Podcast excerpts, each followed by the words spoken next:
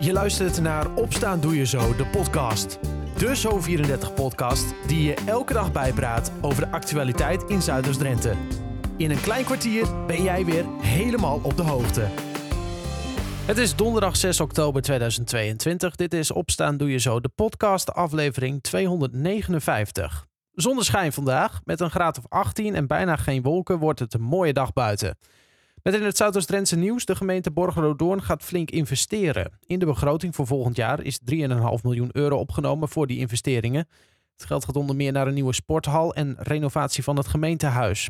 Zometeen meer nieuws uit Zuidoost-Drenthe en je hoort over een nieuwe opvanglocatie voor Oekraïense vluchtelingen in Emmen. Maar eerst datgene waar het gisteren de hele dag over ging in het land: stikstof. Gisteren kwam het lang verwachte advies van Johan Remkes over de aanpak van de stikstofproblematiek. Een van de stevigste aanbevelingen is dat binnen een jaar tijd de 500 tot 600 grootste stikstofuitstoters in de buurt van natuurgebieden verdwenen moeten zijn. Als het even kan, via vrijwillige uitkoop. Maar als dat niet lukt, is dwang niet uitgesloten. Verslaggever Serge Vinkenvleugel sprak over het rapport met gedeputeerde van de provincie Drenthe, Henk Jumelet, en sprak onder meer over de haalbaarheid van die gedwongen uitkoop. Nou, Remkes heeft in zijn rapport aangegeven dat je toch moet onderscheiden korte termijn, middellange termijn en lange termijn. Um, en voor die uh, korte termijn hebben we natuurlijk te maken met de pasmelders, hebben we te maken met geen vergunningen kunnen uh, verlenen. Ook de interimers worden gelukkig genoemd. En daarvoor heeft hij in ieder geval een voorstel gedaan richting het kabinet dat 500 tot 600 zogenaamde piekbelasters, dus grote uitstoters van stikstof, direct ook ja, moeten, moeten laten zien dat ze met minder stikstof ook hun product kunnen leveren. Het gaat trouwens niet alleen over boeren, het gaat ook over andere bedrijven, voor de duidelijkheid. Um, en hij zegt eigenlijk van ja, kijk of je je bedrijfsvoering kunt aanpassen. misschien moeten ze wel verplaatsen.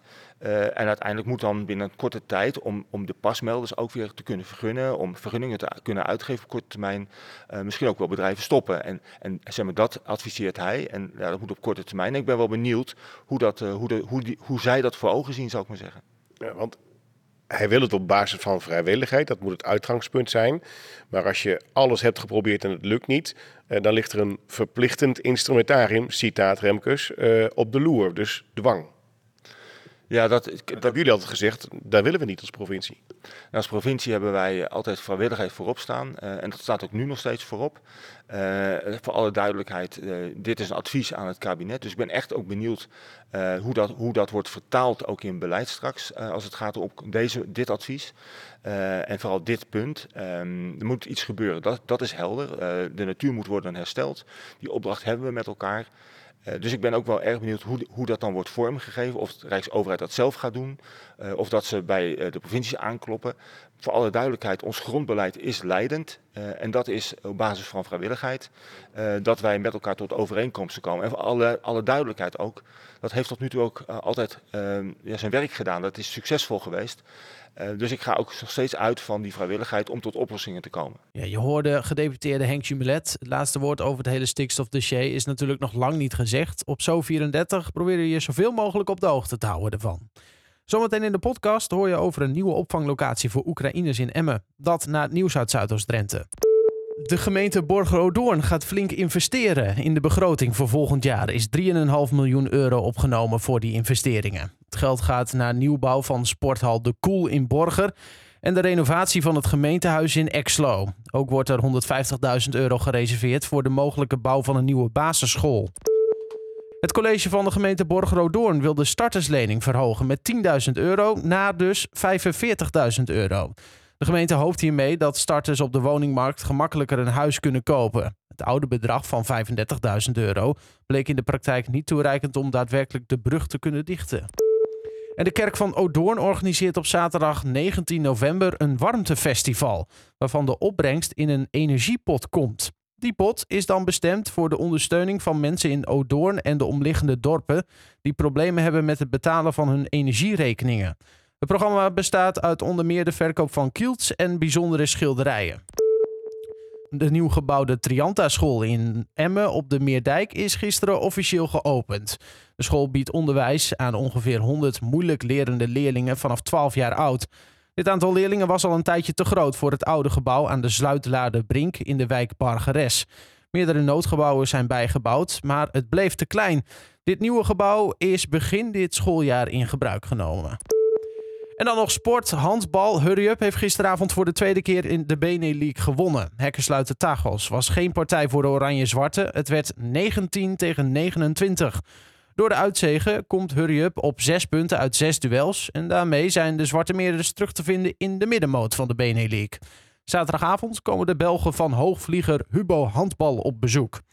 Tot zover. Dit en meer vind je ook online op zo34.nl en in onze app. De voormalige Esdalschool aan de Angersloerdijk in Emmen is klaar voor de opvang van 170 Oekraïense vluchtelingen. Vandaag komen de eerste gezinnen. Verslaggever Dylan de Lange was gisteren al even aanwezig bij de laatste voorbereidingen. Ja, dan lopen we dan in die oude school. Locatiemanager Alice Jonas. Uh, ja, het is een oude school. Helemaal omgetoverd tot een uh, ja, verblijfslocatie voor uh, maar liefst 170 gasten. Ja, dat klopt. Er zijn mensen heel hard aan het werk geweest de afgelopen weken om dat te realiseren. Waar gaan we nu in? We gaan nu even kijken in een van de slaapkamers die klaargemaakt is. Een van de, hoeveel zijn het er? We hebben 68 kamers. Ik zie een stapelbed staan, twee bedden, een koelkast, twee stoelen, twee kasten. Ja, dit is een uh, kamer gerealiseerd voor twee personen uh, met een stapelbed waarvan de mensen zelf kunnen kiezen of ze die zo laten staan of dat ze hem naast elkaar zetten. Een koelkast voor eigen gebruik waarin zij uh, hun etenswaren kunnen bewaren. Een tweetal tafeltjes, maar er komt, of tweetal stoelen en er komt nog een tafeltje bij. Ja. Ik zal eens even kijken of het matras een beetje goed is. Nou, dat ligt vast prima. Ja, ik denk dat ze al blij, blij zijn met een veilige plek uh, waar ze kunnen verblijven. Ja, wethouder Raymond Manders, we zitten nu in die opvanglocatie die dan morgen beschikbaar moet zijn uh, nou ja, voor het opvangen van Oekraïnse vluchtelingen. Dan kunnen ze hier komen. En waarom is dan deze locatie zo geschikt hiervoor? Nou, het is een mooie grote locatie waarbij we in ieder geval voldoende mensen kunnen opvangen. Uh, er moeten heel veel mensen opgevangen worden door heel Nederland. Zit Emmen aan de max op dit moment? Als er morgen uh, weer 15 of 20.000 mensen uh, deze kant op komen, vanaf de Poolse grens, omdat de winter invalt of omdat hun, en hun huis echt niet meer overeind staat, ehm, dan gaan we vast weer met elkaar op zoek naar wat kunnen we nog wel. We nemen echt het besluit wat noodzakelijk is zeg maar, als college. Hier hebben we nu 170 bedden, we hebben in Fletje 320 bedden, 300. En we hebben er inderdaad 60 plekken in Park Sandoorn. Nou, met die 550 dragen wij in ieder geval bij aan de opgave voor de veiligheidsregio Drenthe. Die ligt op zo'n 3000. Nou, volgens mij zijn we daar bijna. Maar ja, de bezettingsgraad in Nederland is ook, uh, wat ik begrijp, 97% in de Oekraïne-opvang.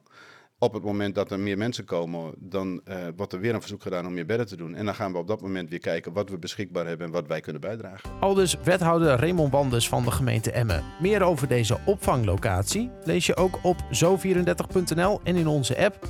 Daar vind je een uitgebreid artikel over de opvang. Tot zover opstaan doe je zo de podcast van donderdag 6 oktober 2022. Ik wens je een fijne dag en heel graag tot morgen.